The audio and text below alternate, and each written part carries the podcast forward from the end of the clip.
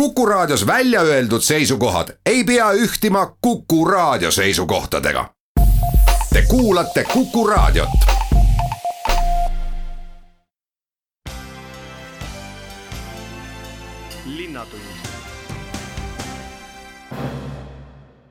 Tere päevast, head Kuku raadio kuulajad ja tere kuulama Kuku Linnatunni saadet. mina olen saatejuht Rein Pärn ja tänast saadet alustame ülevaatega linnavalitsuse eilsest pressikonverentsist, mis arusaadavatel põhjustel keskendus vaid ühele teemale, milleks on koroonaviirus ja selle leviku tõkestamine. millised meetmed on linnavalitsus kasutusele võtnud, milleks ollakse valmis ja mida soovitatakse teha kõikidel teistel linnakodanikel, sellest andis ülevaate linnapea Mihhail Kõlvart juba eile me teavitasime, tegelikult äh, see info läks välja juba esmaspäeval, missugused meetmeid äh, Tallinna linn on tänaseks äh, rakendanud.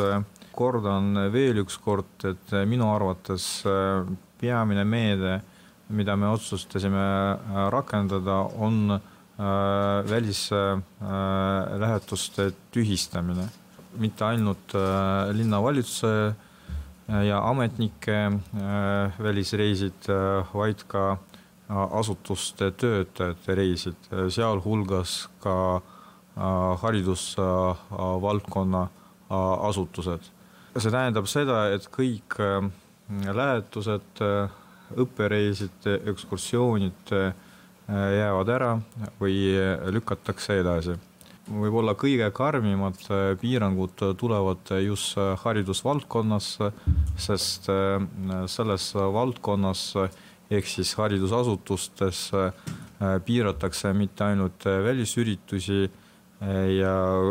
külaliste vastuvõtmist, vaid ka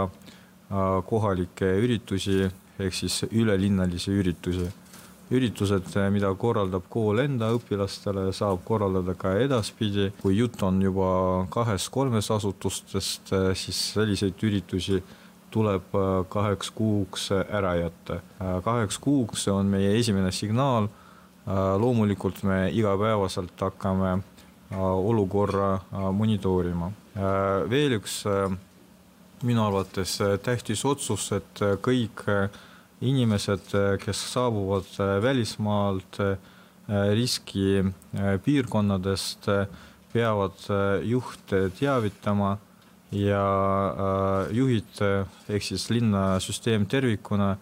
peab tagama võimaluse kaks nädalat olla töölt eemal, eemal ehk siis kasutada töökontori võimalust. see on kohustuslik Tallinna linnasüsteemi äh, töötajatele ja ma arvan, et äh, selline lähenemine võiks praegu olla igal pool riigis ja ma pöördun tööandjate poole, et selline võimalus oleks ka töötajatele tagatud. samamoodi äh, oleks ka tagatud võimalus juhul, kui laps peab kodus istuma kuna meil tänaseks juba on üks kool üle viidud äh, mittestatsionaarse õppele, et tööandja peaks andma ka sellise võimaluse enda töötajale. muidu kõik need meetmed, mida me rakendame, ei oma nii suurt efekti. kui lapsed kodus ei istu, kui istuvad kodus ainult linnaametnikud, aga teiste sektorite töötajad ei istu kodus Äh, siis äh, see efekt on palju väiksem. Kui me suudaksime äh, ühtseid meetmeid rakendada kõik koos, nii avalik kui ka erasektor, siis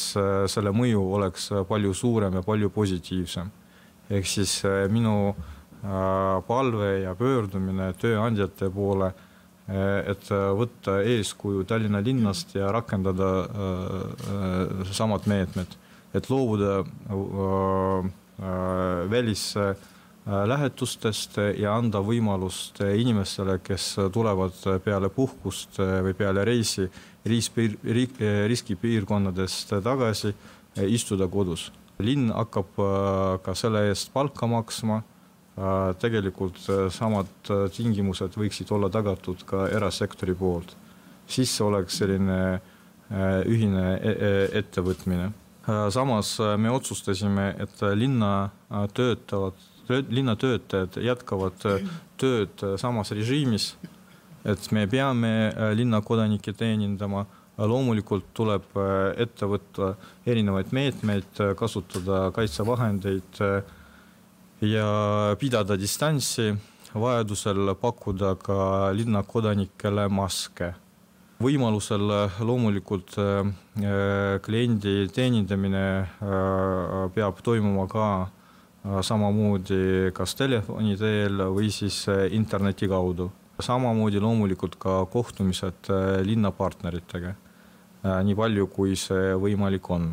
ja täna me arutasime linnavalitsuse istungil ka äh, Äh, ürituste teemad, äh, nagu ma ütlesin, haridusvaldkonnas on äh, ürituste korraldamise piirangud on juba kehtestatud. praegu me arutame ka teisi üritusi.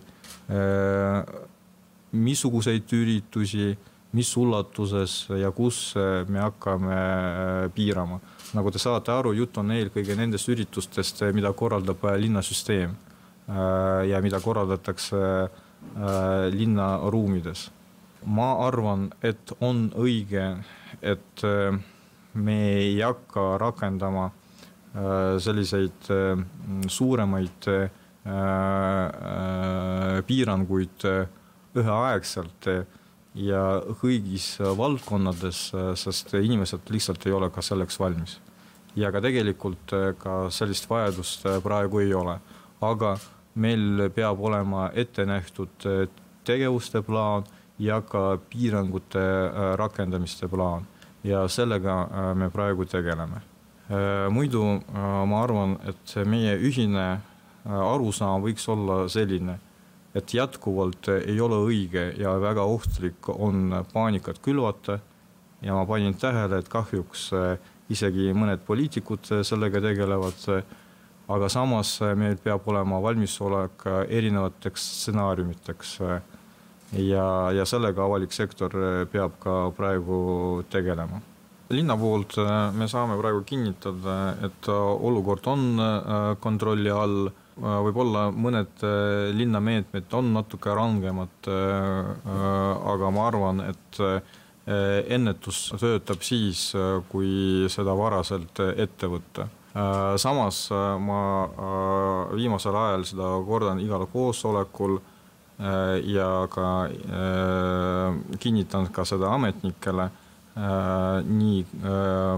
ajakirjanikele, et info levitamisega ja arvamuste avaldamisega võiks olla natuke tagasihoidlikumalt, sest kindlasti olukorda ei aitaks äh, paanika külvamine. esiteks selleks ei ole põhjust äh, ja, ja, ja, ja teiseks, äh, kui selline asi juhtub, siis see on juba eraldi omakorda probleem. ja siin meil on ühine vastutus nii ametnikel kui ka ajakirjanikel. selline võib olla sõnum linnasüsteemi poolt, aitäh linnatund.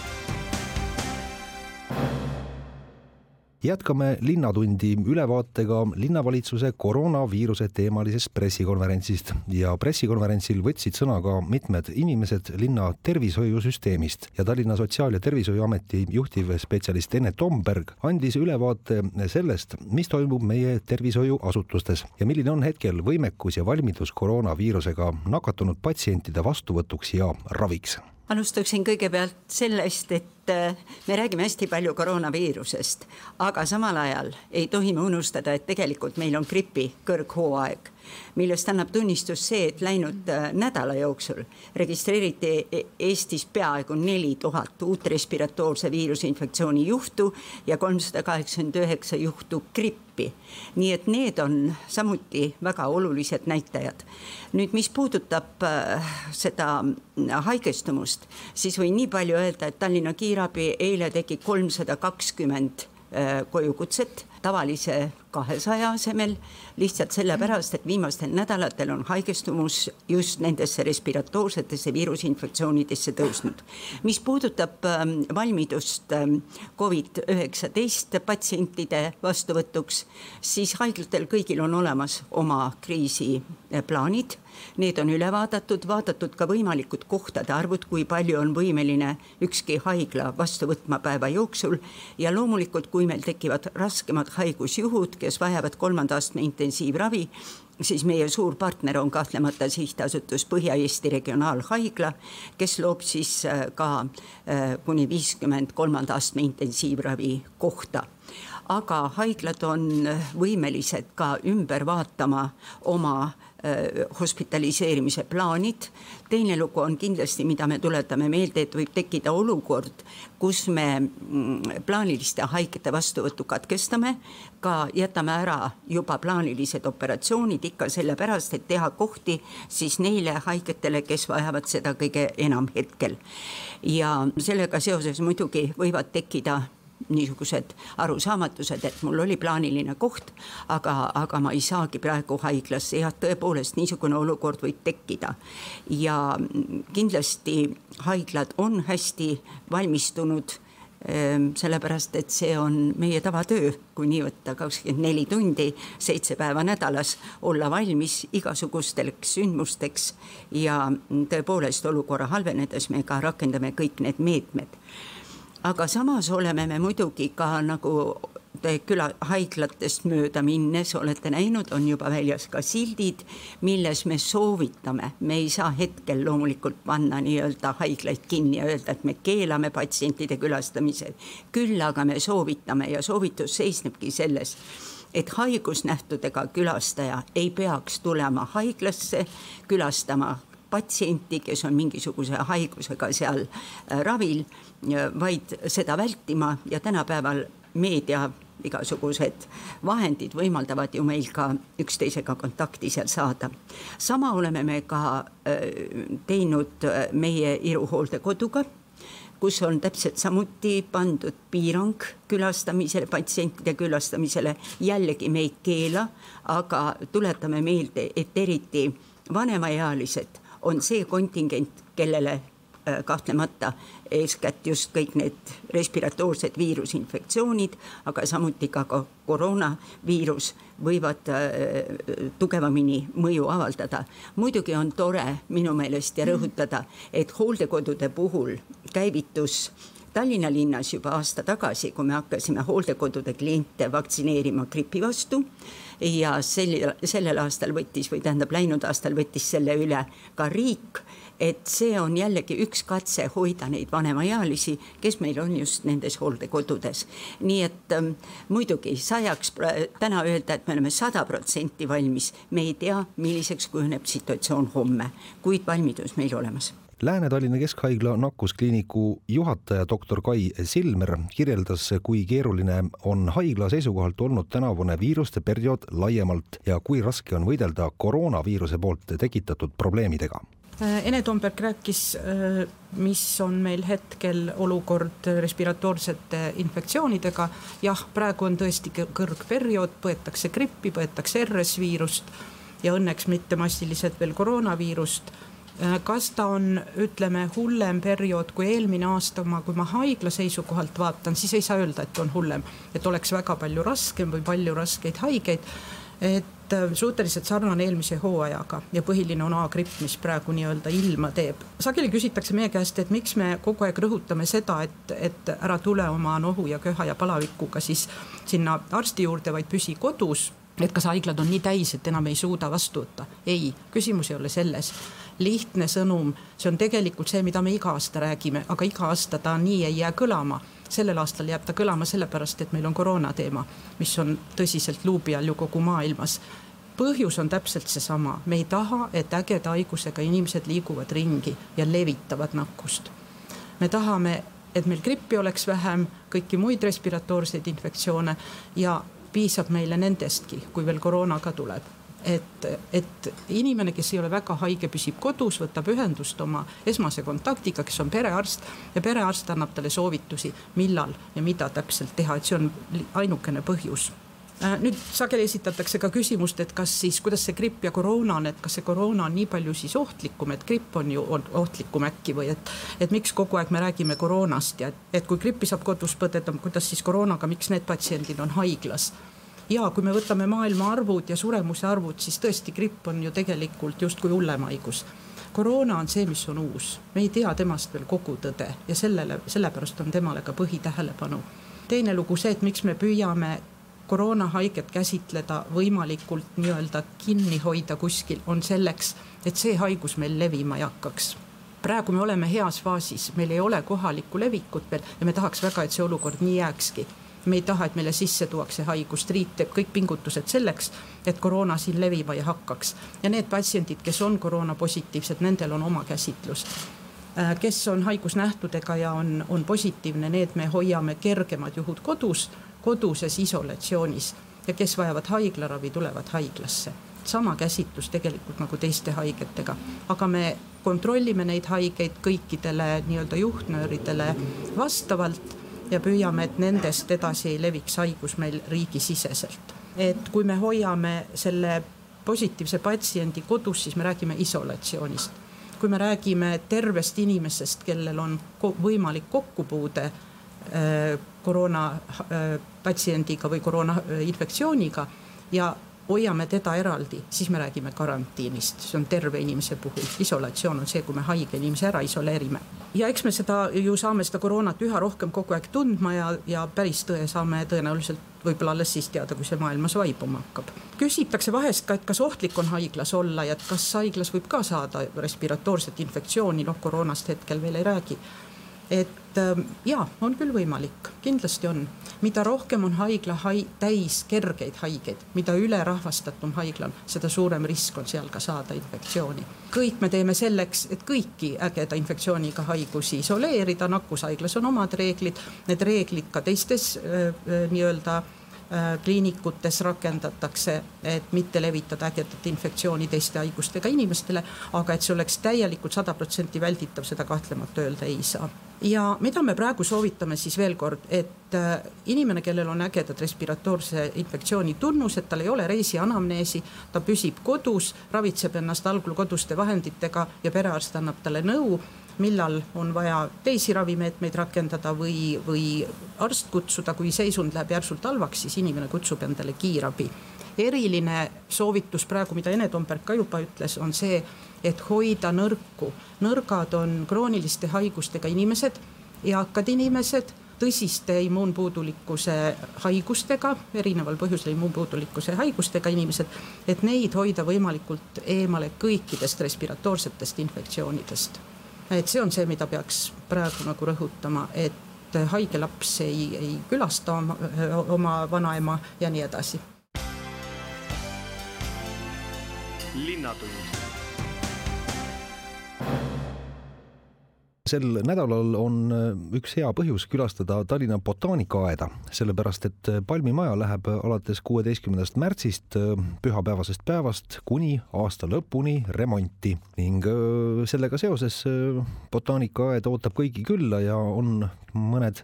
erilisemad äh, mõtted ja ideed ka selleks puhuks valmis pannud. aga jah, miks üldse palmimaja äh, remonti läheb ja, ja kuidas siis vahepeal see elu seal botaanikaaias on, seda saamegi kohe kuulda, meil on telefonil hea meel tervitada Tallinna botaanikaaia äh, haldusjuht Urmo Sitsi, tere päevast! tere päevast! saate kinnitada üle, et tõesti palmimaja remont nüüd kohe ees on? Esmaspäevast hakkab palmimaja remont tõepoolest pihta ja, ja aasta lõpuks peab see valmis olema. miks palmimaja remonti läheb? no põhjus on, põhjus on see, et äh, esiteks äh, need materjalid ja tehnoloogiad, mida omal ajal kasutati, on aja ära elanud ja, ja mõistlikum on äh, vahetada need uute vastu, kui neid pidevalt remontida, et jutt käib nii palmimaja klaasfassaadist äh, kui ka meie jaoks väga oluline on erinevad äh, sisekliimasüsteemid, mis tagaksid taimedele vajaliku niiskuse ja soojuse ja valguse, et ähm, kahjuks need enam tänapäeva nõuetele ja vajadustele ei vasta. ja kas äh, ka see klaasfassaad siis tuleb kõik välja vahetada see kasvuhoone osa? no väljavahetamisele läheb palmimaja torni osa, et äh, hetkel see remont ei puuduta äh, kasvuhooneid, et need jäävad ootama oma järge, aga torni osal läheb jah, kogu klaasfassaad väljavahetamisele, sest seal on veel katuse osa on täiesti polükarbonaadist, noh, millel ei ole mitte mingisugust soojapidavust ja, ja mis oma kahekümne aastase eksistentsi jooksul on muutunud, muutunud äärmiselt rabedaks juba äh, arvatavasti pärast äh, nüüd äh, palmimaja kordategemist küttekuludele läheb oluliselt vähem energiat? no see on kindlasti eesmärk, et et eh, kui kahekordsed paketid asendatakse kolmekordsetega ja polükarbonaat klaaspaketiga, et siis eh, loomulikult küttearved peavad olema väiksemad. no see tähendab, et nüüd aasta lõpuni vist ei saa seda palmimaja külastada ja seal erinevaid eh, sündmusi ka korraldada, et oluline selline info ikkagi, see on ju päris külastatav paik Tallinna botaanikaaias kindlasti, eks ta on meie üks nii-öelda võtme, võtmekollektsioone, aga positiivne on selle juures see, et kasvuhooned jäävad kõik külastajatele avatuks. lihtsalt sissepääsuks kasutame külgmisi varu sissepääse ja, ja need on kõik märgistatud, nii et lihtsasti külastajatele leitavad. uuel aastal on juba ka palmimajas uus kollektsioon. see tähendab siis, et vana kollektsioon kas siis võetakse üldse maha või, või kui palju nendest taimedest seal alles jääb või kui paljud kardavad külma nii palju, et äh, arvatavasti nemad seda remonti üle ei ela? no remont on plane-, plaanitud ikkagi nii, et eh, see torni osa mahavõtmine toimub eh, juba sellistes tingimustes, kus need taimed võivad ka täiesti vabalt olla ilma katuseta, ööpäeva keskmine temperatuur seal üle pluss kümne ja peale seda saab alles selle klaasfassaadi eemaldada, et me püüame säilitada kõik olemasolevad taimed nii palju, kui see võimalik on, eks palju selgub selle töö käigus, nii nagu ikka vanade asjade ümberehitamisega ja siis juba püütakse, eh, mida võimalik, eh, kas säilitada olemasolevas kohas, ümber istutada,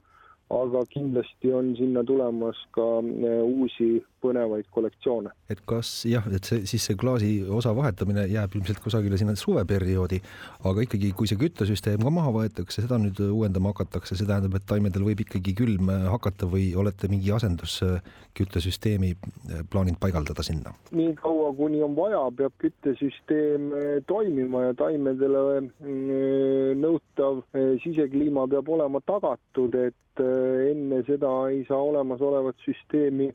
tagant ära lülitada, et eks see suurem ehitustegevus jääbki ikkagi sinna mai teine pool kuni, kuni septembri teine pool, et selle aja sisse, kus, kus need taimed saavad siis ilma kunstliku kütteta ja, ja ventileerimiseta hakkama nagu siis alguses mainitud, et jah, siis nädala lõpuni on ikkagi võimalik veel seda vana palmimaja koos vana kollektsiooniga vaatama tulla ja, ja ma saan aru, et laupäevasel päeval vähemalt äh, on seda võimalus isegi ka tasuta tulla äh, vaatama, et äh, mida te põnevat seal nüüd vahepealsel ajal korraldate? selline võimalus on välja pakutud ja et laupäevane päev on tasuta külastajatele ja, ja kindlasti kõigil, kõigil võimalik tulla veel kord vaadata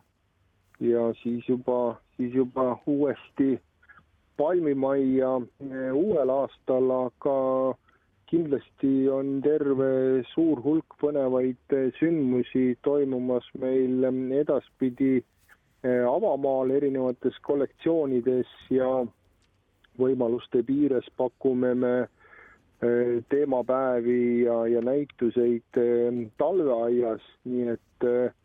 me plaanime ikkagi vaatamata suurtele remontidele sellel aastal olla külastajatele atraktiivsed ja avatud. jah, ja alles olid ju orhideepäevad ja äh, uudis vist selline, et need orhideed jätkuvalt ikka valdavalt kõik veel õitsevad ja oma täies hiilguses, et ka seda saab vist äh, vaatama tulla jätkuvalt jah, need orhideed, mis nüüd palmimajas on, need loomulikult ennem remonti korjatakse kokku ja tõstetakse kasvuhoonetesse ringi aga kasvuhoonetes jäävad nad nähtavaks nii kaua, kuni, nii kaua, kuni nad õitsevad. palmimaja on ju oluline koht ka selle poolest, et seal saab korraldada erinevaid sündmusi, koosviibimisi, tähtpäevi, et nüüd neid peab kusagil nüüd mujal hakkama toimetama, et kas te paigutate need selle, selle nii-öelda koha ümber või, või ei saa neid ka nüüd aasta lõpuni sündmusi tähistada botaanikaaias? No selles suhtes, et need sündmused, mis eh, peaksid toimuma katuse all siseruumides, jah, neile meil alternatiivi aasta lõpuni sellises mahus pakkuda ei ole, et eh, Palmisaali konverentsi Äh, osa mahutab meil äh, suurusjärgus sada inimest, et teist nii suurt saali meil pakkuda ei ole, aga kindlasti väiksemaid äh, sündmusi on võimalik korraldada talveaias ja ja suvekuudel on terve meie botaanikaaed avatud kõikvõimalike sündmuste läbiviimiseks, et selles suhtes lähme natuke, natuke kokkupoole, aga, aga võimalused on jätkuvalt väga suured. vot nii, selline uudis siis, et äh, esmaspäevast läheb Tallinna Botaanikaaia palmimaja remonti kuni aasta lõpuni äh, toimuvad seal tööd, et siis äh, uuel kujul täies mahus saaks ka uue kollektsiooniga külastajaid rõõmustada. ma väga tänan botaanikaaia haldusjuht Urmo Sitsi selle intervjuu jutuajamise eest. soovin siis jõudu tööle, kena päeva jätku! aitäh teile ja tere tulemast kõikidele Tallinna botaanikaaeda! linnatund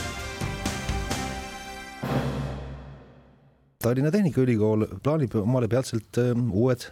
Äh, rektori valimised teha ja kandidaatide nimekiri peaks nüüd olema ka lukus.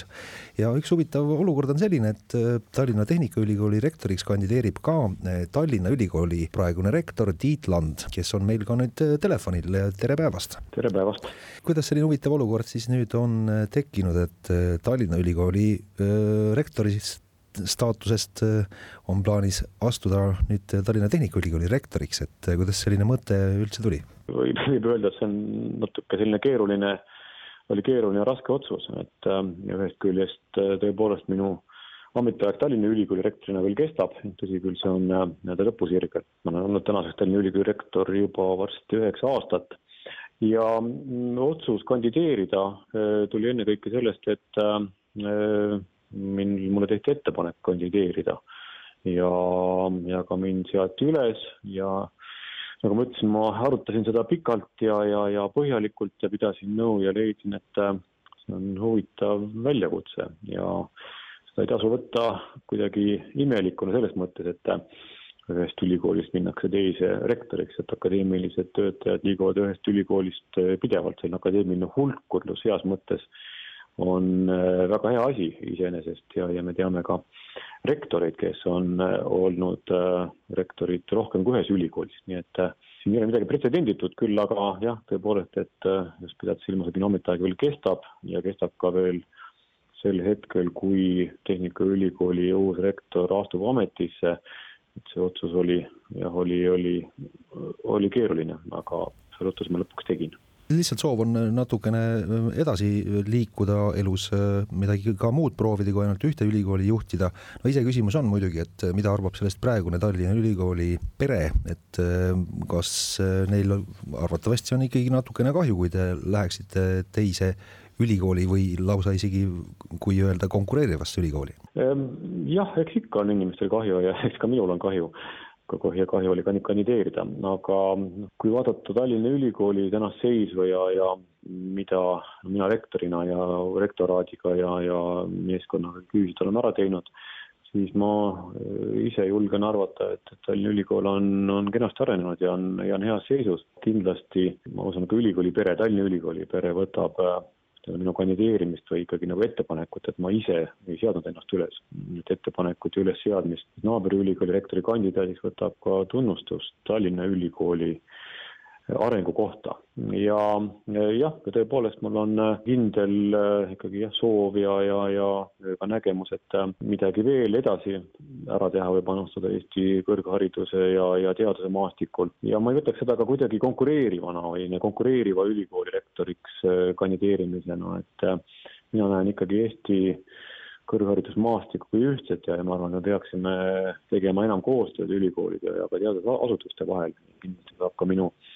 minu üks eesmärk ja sõnum olema, et juhul, kui mind valitakse Tallinna Tehnikaülikooli rektoriks, siis ma kindlasti äh, soovin teha enamat koostööd ülikoolide vahel ja loodan, et see nii ka läheb. kui tundub, et Tallinna Ülikoolis on kõik hästi, arengud äh, on äh, hästi läbi viidud ja äh, suuremaid jamasid ka ei ole, siis noh, teadupoolest Tallinna Tehnikaülikool on ju siin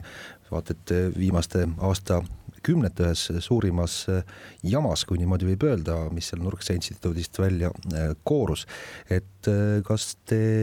näete selles väljakutset või kuivõrd kardate seda probleemi, et kui, kui rektoriks saate, et ega, ega need asjad ju nii kiiresti nüüd ka ei vaibu, et sügiseks on kõik rahu maa, maa peal? ma ei, nagu ei tahaks anda hinnangut praegusel hetkel, just enne kui ma ei ole ei ole hakanud isegi veel, ei ole jõudnud hakata Tehnikaülikooli inimestega rääkima, ei tahaks anda hinnangut, et kas, kas ühes või teises ülikoolis on asjad hästi halvasti, et, et kindlasti mitte ma usun, et need asjad, mis Tallinna Tehnikaülikoolist on noh, viidatud Nurksi juhtum, on on üks konkreetne, konkreetne asi, konkreetsed probleemid, millega tegeletakse, millega on tegeletud ja kindlasti tegeletakse edasi. aga ma siiski usun, et ja olen täiesti veendunud, et Tehnikaülikoolis on, on ka äh, on ka tehtud äh, ära väga palju suuri häid asju. Ja kindlasti on inimesed seal motiveeritud, et ma kindlasti minu, äh, minu nii-öelda soov ei ole ja eesmärk, esmane eesmärk ei ole minna Tallinna Tehnikaülikooli midagi ilmtingimata muutma või midagi ümber korraldama, et ma kõigepealt soovin inimestega rääkida, nii paljude inimestega võimalik, rääkida töötajatega ja, ja saada tagasisidet, äh, mis on väljakutsed, mis on hästi, mis on väljakutsed ja, ja neid koos, koos lahendada. veel kord, et ma ei, ma ei tahaks praegusel hetkel anda hinnangut kuidagi sellele, et kas äh, üht või teist ülikooli on, äh, on tabanud rohkem või vähem, vähem probleemid, et eks need ole igal pool, aga võib-olla jah, mõned asjad on natuke teravamalt esile tulnud, aga nendega, nendega tegeletakse ja, ja nendele kindlasti leitakse lahendused tuleb ju siit välja, et kui Tallinna Tehnikaülikool äh, saaks omale äh, uue rektori, praeguse Tallinna Ülikooli rektori näol, siis on ka Tallinna Ülikoolil ju uut rektorit vaja, et kuidas teil selle protsessiga edeneb ja keda oma mantlipärijaks näeksite? Äh, jah, Tallinna, jah, kui nüüd niimoodi läheb, et, et mind valitakse Tallinna Tehnikaülikooli rektoriks ametiaja algab esimesel septembril, siis jääb selle esimese septembri ja minu praeguse ametiaja lõpu vahele jääb täpselt kaheksa ja pool kuud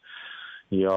siis vastavalt ülikooli põhikirjas sätestatule määrab ülikooli nõukogu rektori kohusetäitja, saab määrata kuni üheks aastaks, aga nagu ma ütlesin, et kaheksa poole kuu pärast äh, astub ametisse uus rektor, et siis rektori valimise tsükkel jääb samaks, lihtsalt vahepealseks kaheksaks pooleks kuuks on ülikooli rektoriks rektori kohusetäitja, valimiste tsükkel on sama, et valimised algavad, äh, rektor valitakse hiljemalt kolm kuud enne ametisse astumist, ehk siis hiljemalt veebruari keskpaigaks ja, ja ka vastavalt äh, põhikirjale juba, juba novembrikuus tuleb juba moodustada valimiskomisjon, et see protsess läheb käima sügisel igal juhul. aga mantlipärijat ma ei oska praegu kuidagi nimetada, et ma usun, et ja olen täiesti veendunud, et äh, Tallinna Ülikoolis on rohkem kui üks, äh, kindlasti loodetavasti tuleb rohkem kui kaks kandidaati, häid kandidaate, kes on sobivad ja, ja eks see siis selgub valimisprotsessi käigus, mis saab olema ka kindlasti sisuline arutelu ka Tallinna Ülikooli tulevaste arengu nii-öelda kavandamise üle. tulles tagasi nüüd Tallinna Tehnikaülikooli juurde, siis no kindlasti on teil oma, oma nägemus ülikooli eh, tulevikust, et eh, kui palju see erineb ülikooli, ütleme, praegusest kuvandist ja, ja suundadest ja arengukavadest, et või lähtute ikka sellest, mis suund on juba päris ammu võetud? jah, kindlasti ma lähtun ka Tallinna Tehnikaülikooli praegust arengukavast, mis on, on väga ambitsioonikas ja mida on ka ka, on ka kindlasti täidetud äh, jõudsalt ja arenguga Tallinna praeguse Tehnikaülikooli praeguse arengukava missioon, seatud, on missiooniks seatud olla teaduse, tehnoloogia ja innovatsiooni edendaja, nii ka samuti olla ka juhtiv insener ja majandushariduse andja Eestis, et sellest ma lähtun. ja, ja tuleviku kindlasti visioon ka on see praegu ja saab tulevikus olema, et olla nii-öelda, luua innovatsiooni ja, ja tagada Eesti jätkusuutlikku arengut et äh, jah, arvestades Tehnikaülikooli missiooni ja, ja Tehnikaülikooli sellist äh, suunda, et tegemist on ju ikkagi ennekõike jah, tehnika ja tehnoloogiaülikooliga ja see kindlasti niimoodi jääb. kui nüüd mind rektoriks valitakse, siis on ka uuel rektoril ongi äh, üks esimesi tegevusi on siis nii-öelda koos nõukogu ja, ja koos senatiga siis võtta vastu uus arengukava järgmiseks perioodiks või selle arengukava ettevalmistamine saab saab hõlmama kõiki ülikooli liikmeid nii palju võimalik, et, et niimoodi see on. aga jah, ma lähtun kindlasti praeguse Tehnikaülikooli missioonist, mis on, on väga, väga ambitsioonikas ja on väga vajalik Eesti arengule no samas kindlasti kerkib esile nüüd, kui te oma valimisplatvormi tutvustate, et kuidas lahendada ikkagi tulevikus see teaduse alarahastuse probleem, on teil selle kohta mingisugune võluvits välja käia? jah, võluvitsasid meil kahjuks ei ole, et, et teaduse alarahastuse ja ma ütleks mitte ainult teaduse, vaid ka kõrghariduse alarahastamine on, on krooniline probleem ja, ja siin sooviksin öelda, et siin on kõik ülikoolid, avalikud õiguslikud ülikoolid, keda näiteks kuus ka rektorite nõukogu kaudu töötavad koos ja koordineerivad koos neid tegevusi, et äh, see on, ütleme siis Eesti Vabariigi valitsuse poliitiline otsus, et äh, kas me soovime riiki, mis on teadus, tõenduspõhine või äh, me prioriteerime teisi valdkondi, et äh, siin on meie kindel, kindel eesmärk on, et riik tagaks või ei, nii-öelda jah, tagaks lubaduse rahastada kõr-, teadust ühe protsendi ulatuses SKT-st ja, ja kõrghariduse rahastamine on, on teine teema, seal on tegelikult olukord isegi, isegi natuke kur-, kurvem, sest pärast kõrgharidusreformi, kus siis mille käigus kaotati ära tasuline õpe ehk, ehk lubati, garanteeriti kõikidele eh, tudengitele eestikeelne tasuta kõrgharidus. seal oleme väga ajale jalgu jäänud rahastuse mõttes, et alguses riik kompenseeris küll ülikoolidele eh, selle nõndanimetatud saamata jäänud tulu tasulisest kõrgharidusest, aga viimased neli aastat on eh, rahastus jäänud samaks, et ei ole paraku äh, isegi suudetud äh, rahastust tõsta nii-öelda ehk isegi majanduskasv ei ole, ei ole jõudnud kõrgharidusse, et rahanumber on sisuliselt sama ehk ülikoolide jaoks tähendab see kakskümmend kuni kakskümmend viis protsenti, ütleme vähemat, madalamat reaalset raha ja noh, see tähendab äh, küll tõsis, tõsiseid väljakutseid, ennekõike mahtude vähendamist, äh, mitte kvaliteedi arvel kannatamist, aga mahtude vähendamist. Ja ma arvan, siin on selles valdkonnas on kindlasti äh, on minu äh, jätkuv äh, kava on, et koos kõikide ülikoolidega koos äh, siis nii-öelda nimetame, ütleme otse, võidelda kõrghariduse teaduse rahastamise tõusu eest sellised jutud siis praegu, et põhiline uudis jah, et Tallinna Ülikooli rektor Tiit Land plaanib saada Tallinna Tehnikaülikooli rektoriks ning valimiskampaania, kui niimoodi võib öelda, on alanud. Eks siin ole veel äh, palju olulisi kuupäevasid, mis siin ees on, aga väga kena, et me saime äh, nüüd, Tiit Land, teie käest äh, teie plaanide kohta ka natukene täpsemalt, pikemalt teada ja ülevaate ning eks siis ole näha, kas Jaak Aaviksooga läheb teil kõvaks rebimiseks, olete lahinguks valmis Ehm, jah, ma ütleks, et see on, äh, ma nimetaks mitte lahinguks, vaid äh, kindlasti akadeemiliseks diskussiooniks. ma loodan ja usun, et meil tulevad sisukad diskussioonid ja peale, peale kauba meil on kandidaate nii kolm kokku et äh, mis on ka kena, et, et äh, mida rohkem äh, kandidaate, seda, seda nii-öelda sisukam on loodetavasti diskussioon. aitäh, Tiit Land, selle jutuajamise eest, soovin teile jõudu-jaksu, kena päeva jätku! aitäh! linnatund